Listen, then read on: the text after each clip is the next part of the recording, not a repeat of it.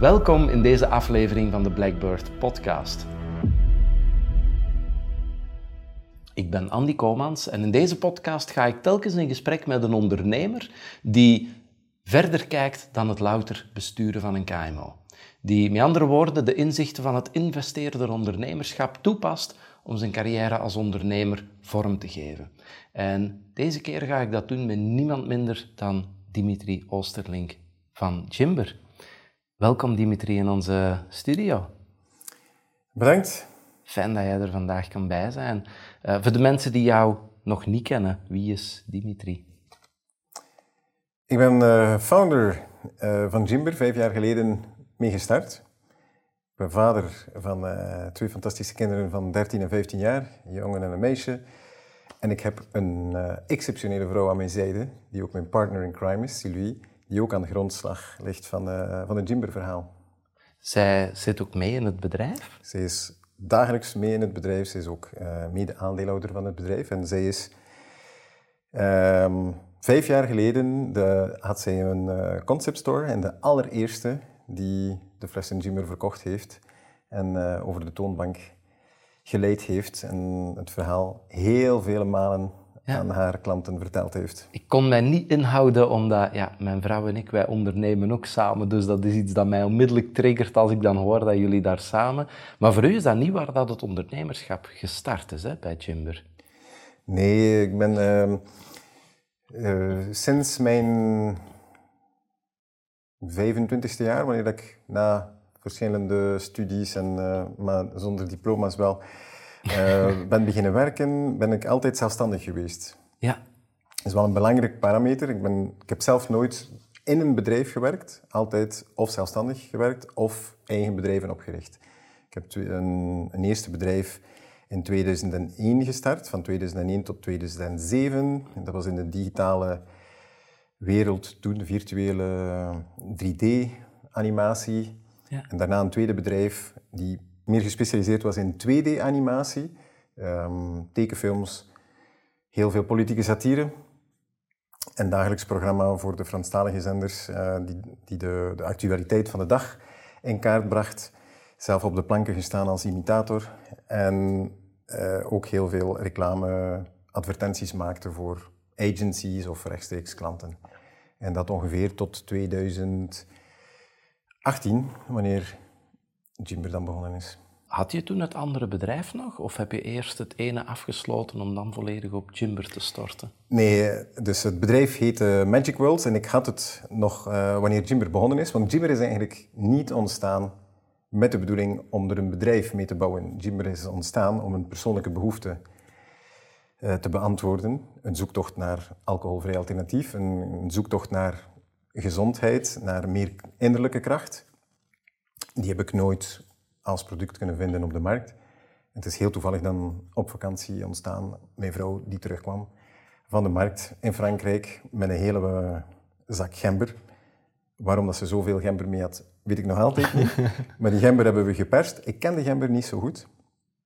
En toen ik die, die, die gember dan geproefd heb, had ik iets van, wauw, dit is vodka in de mond. Dit zou wel het ingrediënt kunnen zijn van wat ik zoek. Die zowel gezond is, die kick heeft van alcohol en, en ook uh, in combinatie met een, een, heel krachtige smaak kan hebben.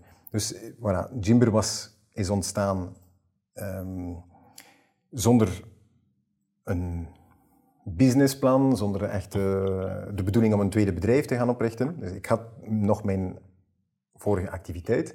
En die is parallel gelopen de eerste zes maanden. Ja. Dus na, na, die na dat fameuze verblijf in Frankrijk zijn er vijf, zes maanden geweest waar ik constant dat, dat drankje verbeterde. Een mix dus van, van kruiden, gember uh, en citrusvruchten. Die hebben iets losgemaakt ook bij vrienden. Dus wekelijks maak ik zo één fles.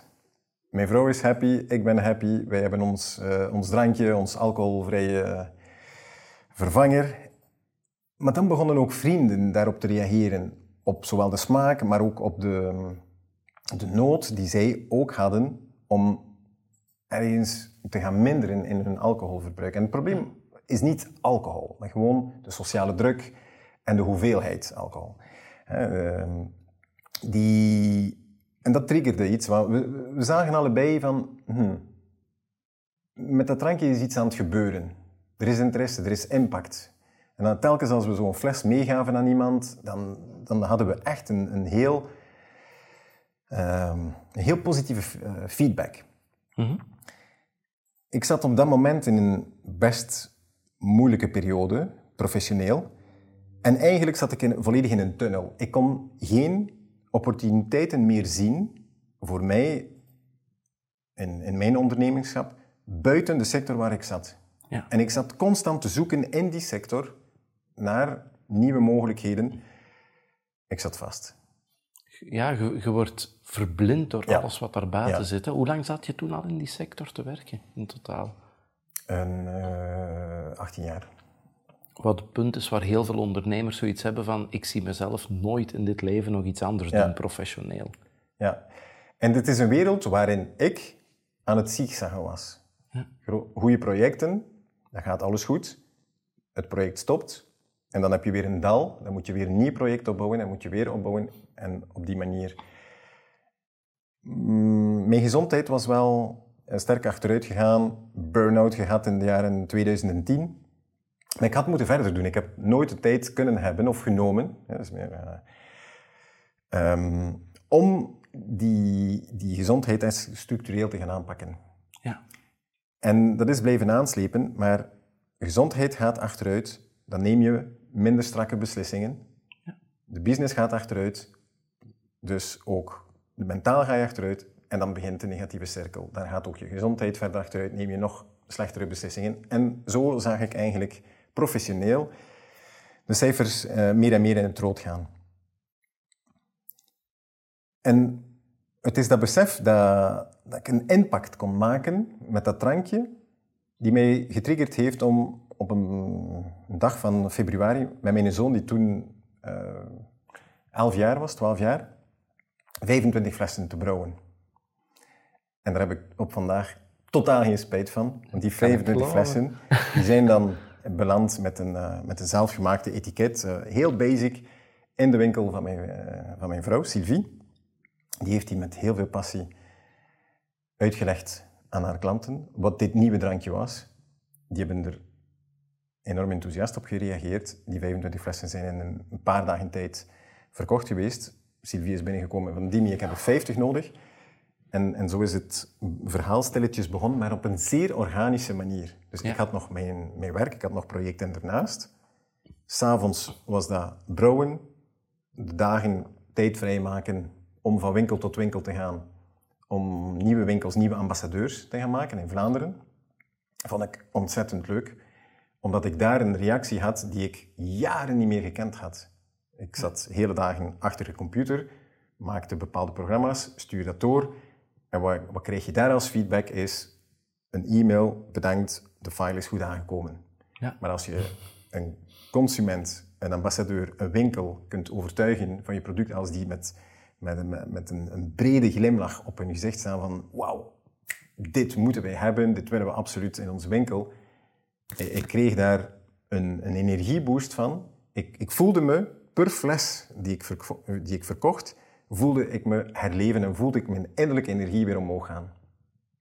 En na zes maanden had ik dan ergens een, een beslissing te nemen of ik blijf mijn vorige job doen en ik ga dit als, als kind of bijberoep gaan doen.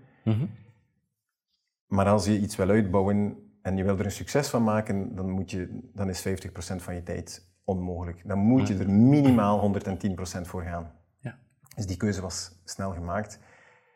En zo zes maanden later heb ik dan de eerste medewerker aangenomen. Dat was een schot in de roos, Joost Houtman. Die heeft op salesvlak eh, de lat heel hoog gelegd, want die, was, die is een eh, uiterst eh, enthousiaste, dynamische Hollandse kerel die in, in, in Brussel woont. En die heeft de Jimber vibes ehm, in zowel Vlaanderen als in, Nederland. Die heeft in een salesfunctie in Ja. het bedrijf. Ja. Want ook dat is, is een atypische. Hè? Ik, ik zie heel vaak dat ondernemers die met iets starten, gaan heel vaak eerst die productie versterken. gaan mensen aannemen die het werk kunnen verzetten. Maar sales wordt heel vaak een beetje ja, verlogend, wordt, wordt heel vaak een beetje aan de kant geduwd.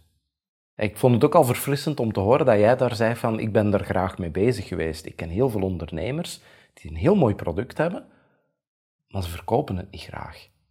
Ze zijn liever bezig met creëren. Wat dat, dat ook is, of dat ze dan liever taarten bakken of mooie meubels maken, of ze creëren graag. Maar ja, je speer pakken, om het zo te zeggen, en gaan jagen in de markt, dat is vermoeiend. Dat is deksel vaak op je neus krijgen. Dat is om kunnen gaan met afwijzing.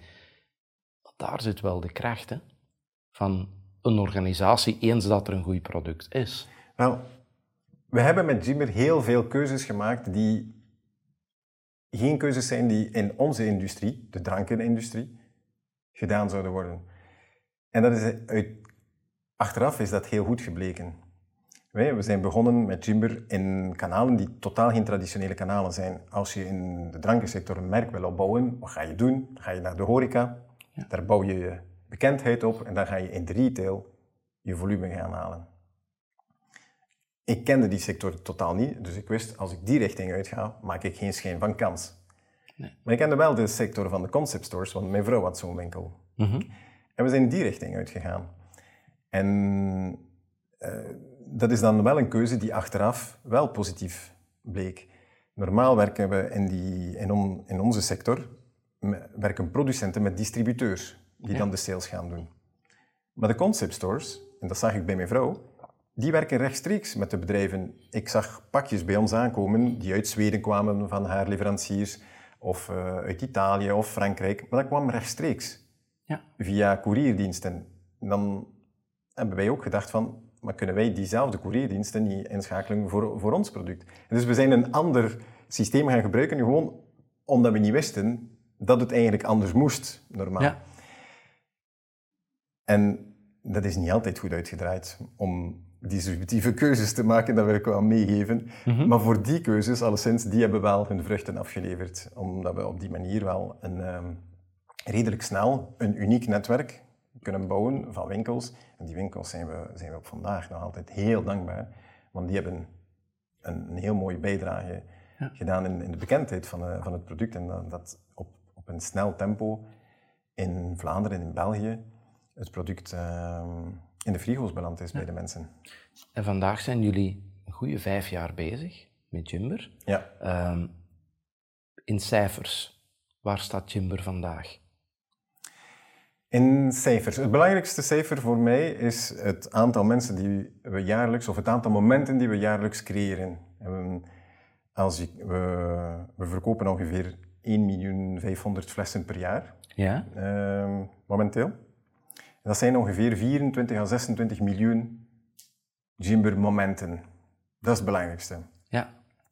Als we dan kijken naar, de, naar omzet, we zitten op een kleine 20 miljoen euro omzet na vijf jaar en dat is een team van een tachtigtal man. Ja. We, zitten, eh, we hebben drie hoofdlanden waar we aanwezig zijn. En we zitten ongeveer in een 18 à 20 landen aanwezig, waar we vandaag op een of andere manier verdelen. Met variaties. In het ene land hebben we volledige teams, zoals België, Frankrijk. In andere landen werken we met distributie of hebben we een paar winkels. Ja. En jouw bedrijf dat je had voor Jimber, met hoeveel mensen werkte je daar? Ja, Um, ik ga niet zeggen dat dat een circus was, maar dat, was, um, dat waren eerder teams, zelfstandigen die samenwerkten. De gemiddelde leeftijd was daar Wat heel courant 23, 24 jaar. Dat was heel leuk. We hebben daar een geweldige tijd gehad. Ik kan je wel inbeelden, satirische animaties maken dagelijks voor televisie. Ja.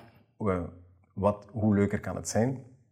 Maar dat, waren, dat was geen bedrijf. Dat waren mensen die samenwerkten. Ik had er wel de leidingen, maar ik heb dat nooit gestructureerd als een bedrijf met, een, met een, uh, een visie, met een plan om dat groter uit te bouwen. Het was dat contrast dat ik gewoon even wilde schetsen, omdat ja, je, je komt daar vanuit een, een freelance keten, als ik het dan zo mag noemen, waar alles toch redelijk vrij op elkaar inspeelt. Hè. Je, je, werkt ook met zelfstandigen, je werkt met mensen die, die ook op projectbasis meespringen. Om dan zonder de ervaring van een bedrijf van die omvang te bouwen, op zo'n korte tijd, vijf jaar, naar een bedrijf als Jimber vandaag te evolueren. Ik kan me niet voorstellen dat je jezelf onderweg niet een paar keer serieus bent tegengekomen als ondernemer. Dat is zachtjes uitgedrukt, inderdaad. Want, want je, moet, je moet een andere ondernemer zijn om een bedrijf van die omvang te managen dan om je eigen ding te doen in een veel kleiner team. Ja. Maar ik geloof keihard in, de, in correcties. Ehm, en als je van, van het standpunt uitgaat als, als leider, als ondernemer, dat je permanent evolueert en permanent correcties moet doen, ehm, dan kan je daarmee verder, dan kan je daarmee leven. En met correcties bedoel ik hè, een vliegtuig die van Brussel naar uh, New York vliegt, die maakt uh, blijkbaar meer dan 900 correcties. Voor mij was het juist hetzelfde. De Dimitri, vijf jaar geleden, is een andere Dimitri. En gelukkig voor een stuk. Vandaag ben ik ook een andere Dimitri dan de Dimitri binnen vijf jaar. Ja. En die, ik heb me daarin um, dagelijks moeten heruitvinden. En ik heb heel veel goede beslissingen genomen, maar ik heb ook heel veel foute beslissingen genomen. Ik heb ook heel veel zaken gedaan waar dat ik rationeel gezien vandaag spijt van heb, die jammer zijn. It's part of the game. Ja. Ik, op vandaag zou ik kunnen zeggen van, ah, had ik het geweten, ja, maar dat is net het spel. Ja, je, weet, het, niet. op voorhand. En, uh, en het hoort erbij. Wat zijn voor u zo de belangrijkste dingen die je dan gedaan hebt? Hè? Want ik kan me best voorstellen, ja, als ik nu al zou zeggen tegen de kijkers en de luisteraars van oké, okay, Jimber heeft pas een Series B kapitaalronde gedaan en noem maar op. Jullie zijn ook bezig met het management mee te laten inkopen in het bedrijf, of dat is ondertussen dat gebeurd. Ja. Maar dat zijn allemaal zaken die komt een courante ondernemer niet tegen in zijn carrière. Op een bepaald moment neemt uw bedrijf een vlucht, maar als je dan niet op een snel tempo, zeker wat bij jullie gebeurd is, die kennis gaat eigen maken, dan weet je niet hoe dat je daarin moet corrigeren, hoe dat je daarin moet navigeren. Hebt je dan op een bepaald moment daar heel sterk in gaan omringen? Hoe, hoe heb je dat concreet aangepakt? Want je komt toch in een andere wereld van het ondernemerschap terecht. Absoluut. We gaan zo verder met het gesprek na deze korte advertorial. Quorum is een advocatenkantoor gespecialiseerd in vennootschapsrechtelijke transacties, zoals koopverkoop van aandelen of handelsfondsen, of het structureren van investeringen. Ik ben Sylvie, ik ben partner bij Quorum. Bij het begeleiden van onze klanten in het kader van een transactie proberen we onze klant altijd zoveel mogelijk te ontzorgen. De bedoeling is om de juridische lasten van hen over te nemen, om hen toe te laten zich te blijven focussen op hun core business. Voor mij is het belangrijk om een vertrouwensband te kunnen opbouwen met de klant, om op duurzame wijze een professionele samenwerking te kunnen behouden. M&A is en blijft een people business.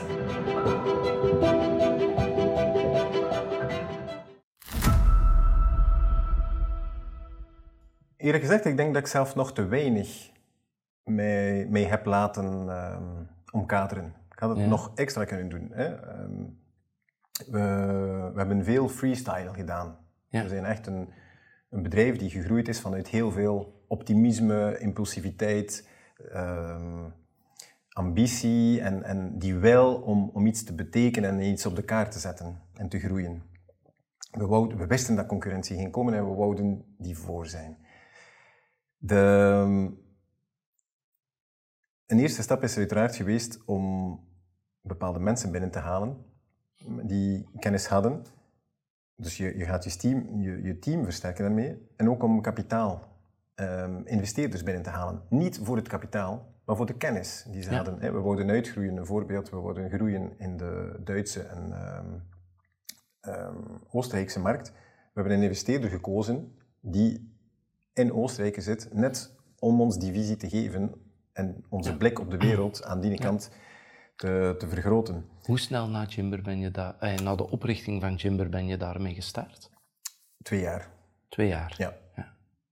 Die, die investeerders die, die zijn nu uh, een kleine drie jaar aan boord. Ja. Het proces heeft zo'n zes maanden geduurd, hè. Mm -hmm. een logisch traject. We hebben ook, ik heb ook heel snel gekozen voor externe coaching. Ja. En, we werken met een, uh, een, bedrijf in Nederland, Straightline, die ons uh, coacht. Ik, heb ook, ik ben er heel open in, uh, een persoonlijk coaching traject. En dat is iets die mij heel snel heeft laten evolueren. Ja. Die, mij, die mij ook echt een, eh, een spiegel voor de neus houdt. En dat zijn zaken die wel voor mij heel dankbaar geweest zijn, omdat ik heel weinig kennis had toen ik ermee begonnen ben. En ik heb denk ik nu nog altijd een beperkte kennis.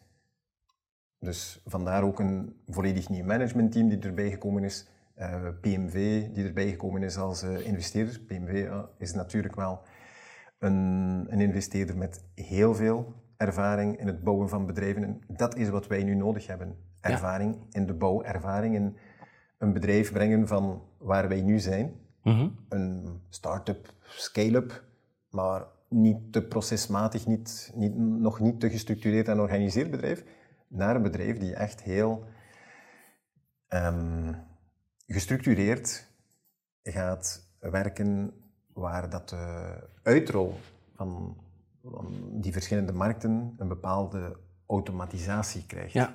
Ja.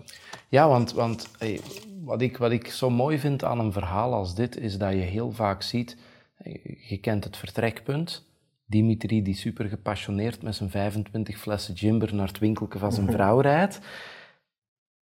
Maar dan moet er wel iets gebeuren met die persoon om die klik te maken van oké, en als we dit nu echt willen gaan versterken, dan zal dat niet gebeuren door het feit dat ik de enige eigenaar van dit verhaal ga blijven. Dan zal daar een versterking moeten komen vanuit investeerderskant, Ja. vanuit een professionalisering van het managementteam, de juiste profielen vastbinden in dat bedrijf.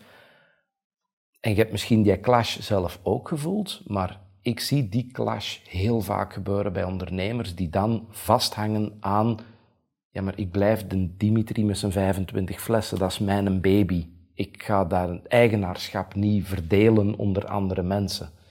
En, en ik denk dat dat heel veel ondernemers enorm veel groei kost in hun ondernemerschap.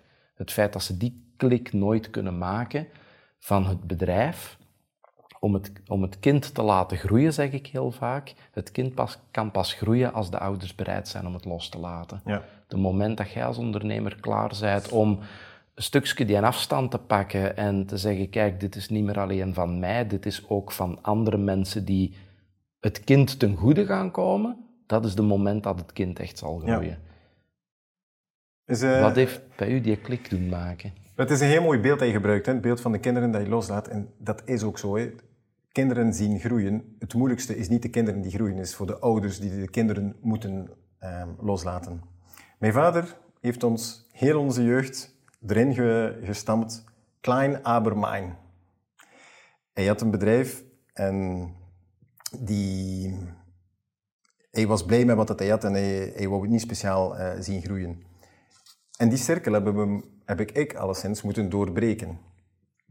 Als je een bepaalde ambitie hebt, dan moet je op een bepaald moment een keuze doen. Ga je spelen om te winnen of ga je spelen om niet te verliezen? Ja. En met Jimber heb ik op een dag gevraagd aan, aan mijn vrouw, aan Sylvie, schat, hier zit iets in. Hier kunnen we echt fun mee beleven en impact gaan maken. We kunnen heel veel mensen zoals wij daarmee gelukkig maken. Maar ik wil spelen om te winnen, niet om niet te verliezen. Ga je daarmee akkoord? Dat gaat een bepaalde beslissing zijn in ons leven. Daar komen consequenties mee. Dat is bepaalde tijd die we voor andere zaken niet zullen hebben, maar dat zal een heel grote persoonlijke investering zijn. En die heeft daar volmondig op geantwoord. Ik volg je daarin, let's go. En een keer dat die keuze gemaakt is, dan ga je ook die, dat eh, traject consequent eh, gaan bewandelen. En een van die keuzes is dan dat je andere mensen aan boord brengt. Je kan zo'n verhaal niet schrijven als je bepaalde kennis, als je bepaalde structuren, als je Nee. een bepaald netwerk niet binnenhaalt. En ik zeg het, ik vind persoonlijk dat we daar nog heel bescheiden in geweest zijn. We hadden misschien nog beter veel mensen eh, rond het bedrijf gebracht die kennis, ervaring in het bedrijf gebracht eh, hadden. En dat is eigenlijk dus ook een correctie die ik nu heb willen doen. En een, acceleratie die ik nu eh, heb willen geven. En om terug te komen op, op, eh, op ruimte, want daar gaat het ergens over. Ruimte dat je geeft aan een team, aan een bedrijf. Een heel mooi voorbeeld is nu de ruimte die gegeven is aan, aan onze nieuwe CEO, CEO, Tim Camanayo. Tim is vier maanden geleden begonnen, vijf, vijf, maanden geleden is hij begonnen als uh, managing director. Om een deel van mijn werk, het operationele, over te nemen. En dat was de bedoeling dat hij dat um, één, twee jaar ging doen. Na vier maanden heb ik een gesprek met uh, Karsten Foekens. Hij is uh, de CEO van het bouwbedrijf Daniels in ja. Brugge. En Karsten vertelt het verhaal, hij hoort mijn verhaal, hij vertelt het verhaal hoe hij CEO geworden is. Pascal Daniels heeft hem op een bepaald moment, hoe jong dat hij ook was, ik denk dat Karsten toen 32 jaar was, heeft Karsten de volledige sleutels van het bedrijf Daniels gegeven. Waarom? Omdat Pascal per definitie iemand is die gelooft in de kracht van mensen om zich te ontwikkelen wanneer dat ze echt moeten en echt die ruimte krijgen. Ja. Karsten heeft dat bedrijf in een minimum van tijd nog verder gebracht, twee of drie maal verder dan wat dat Pascal al op een prachtige manier had uh, gedaan. Dat was blijven hangen. En het gaat om ruimte geven aan, um, aan mensen. En effectief, ik heb dan um, met de board gesproken om ook aan Tim veel sneller die ruimte te geven en die kans te geven. Ik heb Tim, uh, in december heb ik hem aangesproken om te vragen van, ik zou je nu al CEO, um, um, als CEO willen instellen. En ben je ermee akkoord? Hij heeft de challenge aangegaan, maar de ruimte die hij gekregen heeft en vooral genomen heeft, is prachtig om te zien. Hij was al een heel goede managing director, maar hij is een fantastische CEO aan het worden. Hij neemt het met heel veel kracht, hij neemt het met heel veel um, inzicht, structuur.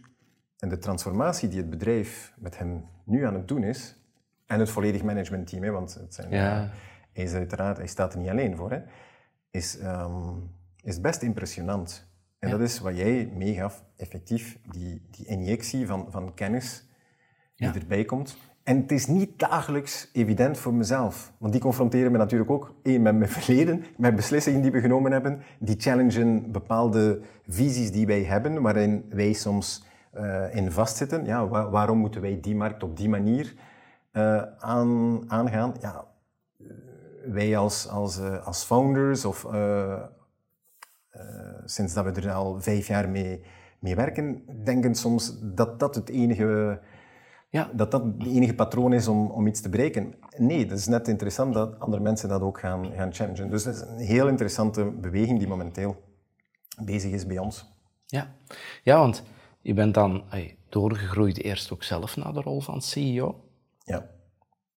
Daarmee zie je dan, oké, ik ben nu het hoofd van een bedrijf dat, dat heel snelle groeisprongen aan het maken is. Je hebt je daar direct goed laten omkaderen met een goed managementteam die jou daar ook in ondersteunde, neem ik aan. En dan kom je op een bepaald punt waar je die rol als CEO ook terug gaat loslaten. Ja, dat is een, een moedige beslissing, zullen heel veel ondernemers zeggen. Sommige ondernemers zullen zeggen, ja, dat is een beslissing die ik niet kan begrijpen, want ja, het is toch logisch dat als, als dat jouw bedrijf is en je bouwt dat uit, dan bent jij toch automatisch de CEO. Nu, ik zeg dat als iemand die zelf ook heel snel in het groeitraject van zijn bedrijf een CEO in het bedrijf heeft gezet, omdat mhm. ik zelf ook voelde, mijn passie ligt daar niet. Ja. Um, ik was liever met andere facetten bezig dan het dagelijkse operationele beleid. Maar ik zie wel heel veel ondernemers tegen die muur aanknallen, is dat ze graag iemand hebben die alle shit uit hun handen neemt en laat die dan maar het bordje van CEO op zijn bureau zetten. Maar ze vergeten vaak dat vanaf dat moment die persoon ook de operationele kapitein is van het bedrijf en dat jij een stap achteruit zet naar de rol van eigenaar van een bedrijf, die niet meer elke dag moet gaan vertellen hoe dat de zaken georganiseerd moeten worden, want dan zijt je compleet het gezag van uw CEO aan het ondermijnen. Mhm. En dat is een heel moeilijke klik, stel ik vast, bij veel ondernemers die, die ze niet gemaakt krijgen. Reden nummer één, waarom gaat het fout als ik een CEO in mijn bedrijf zet? Omdat jij als ondernemer nog altijd, tussen je eigen twee oren, de CEO gebleven zijt. En je loopt u een echte CEO gewoon voor de voeten, waardoor dat die zijn functie onhoudbaar wordt. Um, ja, ik neem aan, je hebt zelf heel bewust die stap gezet. Maar, maar wat zijn daar vanuit jouw ervaring de belangrijkste inzichten dat je zou zeggen van kijk, als je morgen die stap gaat nemen om het leiderschap in je bedrijf over te laten aan andere mensen, doe dan vooral dit als ondernemer, als founder en doe vooral niet dat. Het is natuurlijk nog een beetje vroeg om daar al conclusies te geven. En ik hm. voel me niet speciaal geroepen om, om mensen daarin te kunnen helpen of tippen of whatever. Ik denk dat iedereen daar een beetje Het gaat mij minder over de, de, lange termijn turnout, hè, want, want je persoon die je daar nu hebt kan de juiste match zijn. kan ook zijn dat dat uiteraard dat dat misschien niet zo is. Maar je hebt in je hoofd die beslissing wel genomen. Ja. Dat betekent, je neemt die op het moment dat je daar als founder klaar voor bent. Die, die beslissing wou ik eigenlijk al een, eh, een lange tijd nemen. Ik was ook blijven steken op een ego-probleem. Mhm. En de rol van CEO loslaten, dacht ik historisch van, ja, CEO dat is, dat is de graal, dat is de, de, mooiste job die je kunt hebben. de CEO, wow, Um, dat doet er niet toe. En zeker niet als je founder bent, want dan, dan heb je eigenlijk meer op het spel dan, uh, dan dat. Tot op een bepaald moment dat je beseft van, als je een bedrijf begint, ben je eigenlijk een beetje een, een singer-songwriter. Mhm. Je schrijft je eigen muziek en je speelt je eigen muziek. En daarna bouw je een band. Daarna komt daar een orkest van. Een orkest wordt gedirigeerd door een dirigent. En die zorgt ervoor dat iedereen samenspeelt en dat het een symfonie wordt. Je kan niet en dat orkest leiden en de partituur schrijven. De partituur die schrijft de componist. En als founder heb ik meer de, ligt effectief op vandaag, mijn meerwaarde voor het bedrijf veel meer in de compositie. De, een paar maanden terug had ik om een nieuw product te, te beoordelen of, of eh, te ontwikkelen een paar minuten. Vandaag heb ik daar de nodige tijd voor. Kan ik meerdere dagen aan een stuk grondig Ehm, duiken om, om, een, om een nieuw product te, ehm, te gaan ontwikkelen. Dat maakt een, een, een, groot verschil. En dan moet je effectief de spelregels wel gaan meespelen. Hij is de CEO. Ja. Hij neemt alle beslissingen. Ik moet rapporteren aan hem. En de eerste dagen voelt dat wat onwennig, want je, effectief ga je... Ik denk ook van, wow, ja, maar gaat hij dat wel uh, op de juiste manier doen en gaat hij dat wel weten? Maar hij heeft zijn visie en that's fine. Het belangrijkste is dat er één iemand een visie kan uh, uitwerken, want er zijn meerdere manieren om naar Rome te gaan. Ja. Het belangrijkste is dat er één iemand de weg aanwijst. Mijn rol, hoe ik mijn rol vandaag zie, ik ben een middelvelder die hem de assist moet doen, zodat hij kan winnen en dat hij kan scoren samen met het managementteam. Ja. Dus ik duik in projecten, ik ga vuur aanwakkeren waar ik zie en voel vanuit de zijlijn dat er bepaalde zaken extra energie kunnen krijgen, waar anderen door hun jobinvulling op vandaag daar geen tijd voor hebben, ga ik specifiek uh, daar gaan inspelen. En ook zaken natuurlijk waar, waar ik als founder extra voeling mee heb. Ja. 7 op 7, 24 op 24 ben ik met Jimmer bezig. Mijn kinderen weten dat, mijn vrouw weet dat ook. Mhm. dat is nu eenmaal zo. Dus, en, en ik ga specifiek gaan inzetten op bepaalde aspecten van marketing. Niet de volledige marketing niet, maar speciale zaken in branding. Daar ga ik met heel veel plezier, passie en drive um, induiken. En dat dan opbouwen, om dat dan aan een team te kunnen overbrengen, zodat zij de, de volgende stap daarmee verder zetten is, ehm, is hoe dat wij vandaag onze rolverdeling eh, zien. Ja. Ik vind dat wel mooi, want ik denk dat jij daarmee als ondernemer een heel stuk dichter terug bij je passie komt, waarom dat je ooit überhaupt begonnen bent met dit verhaal te schrijven. Want je gaat daar meer mhm. gefocust, denk ik, op kunnen werken, dat aanbod scherp stellen, die een brand creëren. Terwijl dat alles wat daarbij komt kijken in de normale uitbouw van een bedrijf, daar heb je de juiste persoon hopelijk voor op de juiste stoel zetten. Maar je hebt wel heel duidelijk in je hoofd daar het, het eigenaarschap gescheiden van de operationele rol. En dat is wat ik, wat ik heel vaak zie dat dat echt een enorme struggle is. Dat is ook moeilijk, hè? Want, want aan de ene kant zijn de eigenaar van een bedrijf, wat betekent je staat boven het management van het bedrijf om Mhm. die toekomst en die strategie vanuit het aandeelhouderschap te sturen. Maar dan operationeel dat naast een rol leggen waar dat jij heel duidelijk zegt van ik ben de componist, maar ik moet rapporteren aan de dirigent, aan de CEO. Ja. Terwijl dat die misschien een kleinere aandeelhouder is in het verhaal, terwijl dat die nog op de payroll heeft gestaan die, toen hij misschien nog geen eigenaar was, vind ik wel een verfrissende kijk om op die manier te tonen dat het ook kan. ja, maar we hebben elkaar nodig. Ja, En, Absoluut. eh, Zo'n duo kan, kan best goed functioneren. wat is bij u de belangrijkste reden geweest, Dimitri, om mensen uit uw management en dergelijke mee in dat eigenaarschap te trekken? Voor u persoonlijk. Wel, het is eigenlijk een voorstel die gekomen is van PMV. Ja? En wij, wij, oh, ja, wij hebben ook eh, een SOP-plan, uiteraard. En dat is eigenlijk eh, redelijk snel opgezet. Ja. En toch een belangrijk, eh, een belangrijk deel. Omdat ik het heel belangrijk vind, nou, mensen die keihard met het bedrijf bezig zijn, die heel het bedrijf helpen opbouwen, ja, ik wil niet, ik wil niet alleen staan op de eindstreep. Mhm.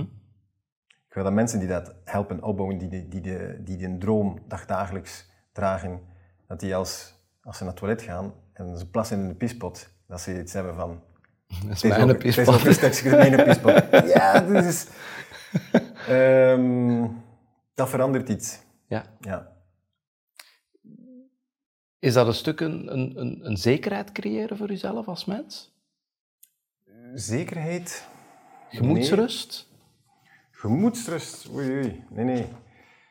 Ja, het gaat gewoon over... eh, het is een team en, ehm, en je wil daar ook als team aan de eindstreep komen. Ja, Ja. Of, we, we kunnen, we konden Jimber bootstrappen. We konden het verhaal helemaal ineens schrijven. Ja. Fine. Maar dat is niet de impact dat we willen maken.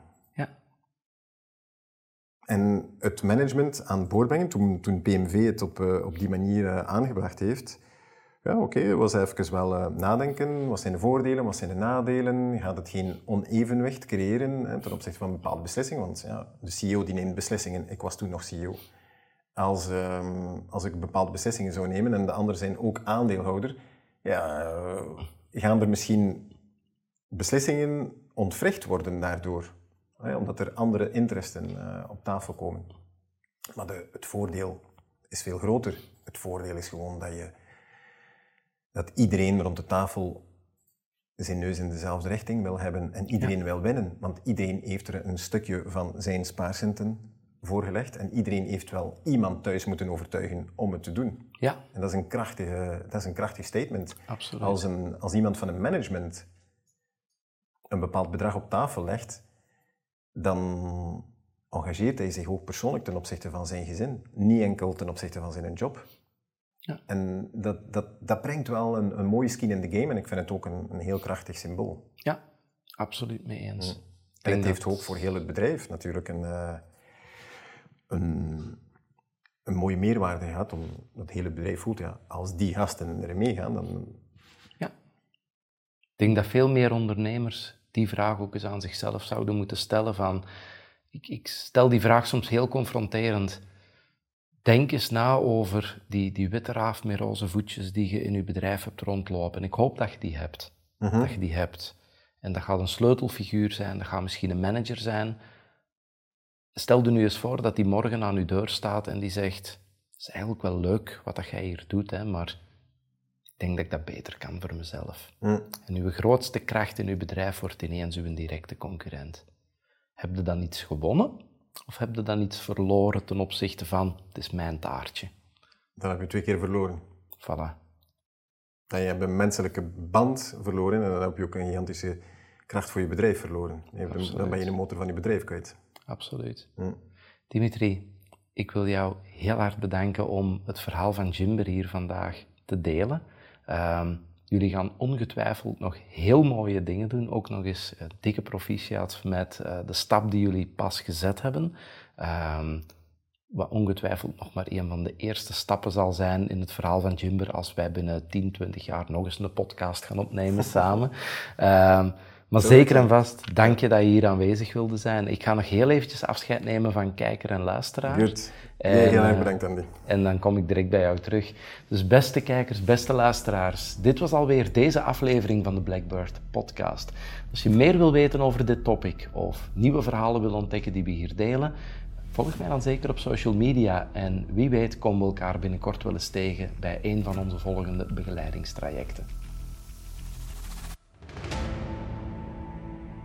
8 op 10 ondernemers met een succesvolle KMO slagen er nooit in om zichzelf los te koppelen van hun bedrijf.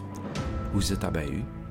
Door als ondernemer te blijven vasthangen in het operationeel besturen van uw bedrijf, zult gij nooit die cruciale sprong maken naar het investeerder ondernemerschap. En dat kost u veel meer dan je zou denken. Zoals op tijd uw verantwoordelijkheden delegeren of een managementteam installeren een juiste manier omgaan met financieringshefbomen of kapitaal ophalen. Uw ondernemersrisico managen of het aandeelhouderschap in uw bedrijf versterken. Of overnames doen via een buy-and-build strategie. Of zelf uw gouden kans missen op het moment dat je zou moeten overlaten. Deze kennis moet je jezelf als ondernemer zo snel mogelijk eigen maken. Vanaf het moment dat je iets begint op te bouwen dat groter is dan uzelf. En daar ga ik u, samen met onze gastdocenten, bij helpen via onze Blackbird Business Classes. Intensieve begeleidingstrajecten van vijf dagen tot meer dan een jaar. Specifiek op maat voor de KMO-ondernemer, waarbij we u heel diepgaande kennis meegeven, maar we ook tegelijkertijd samen de strategie zullen uitwerken voor uw bedrijf.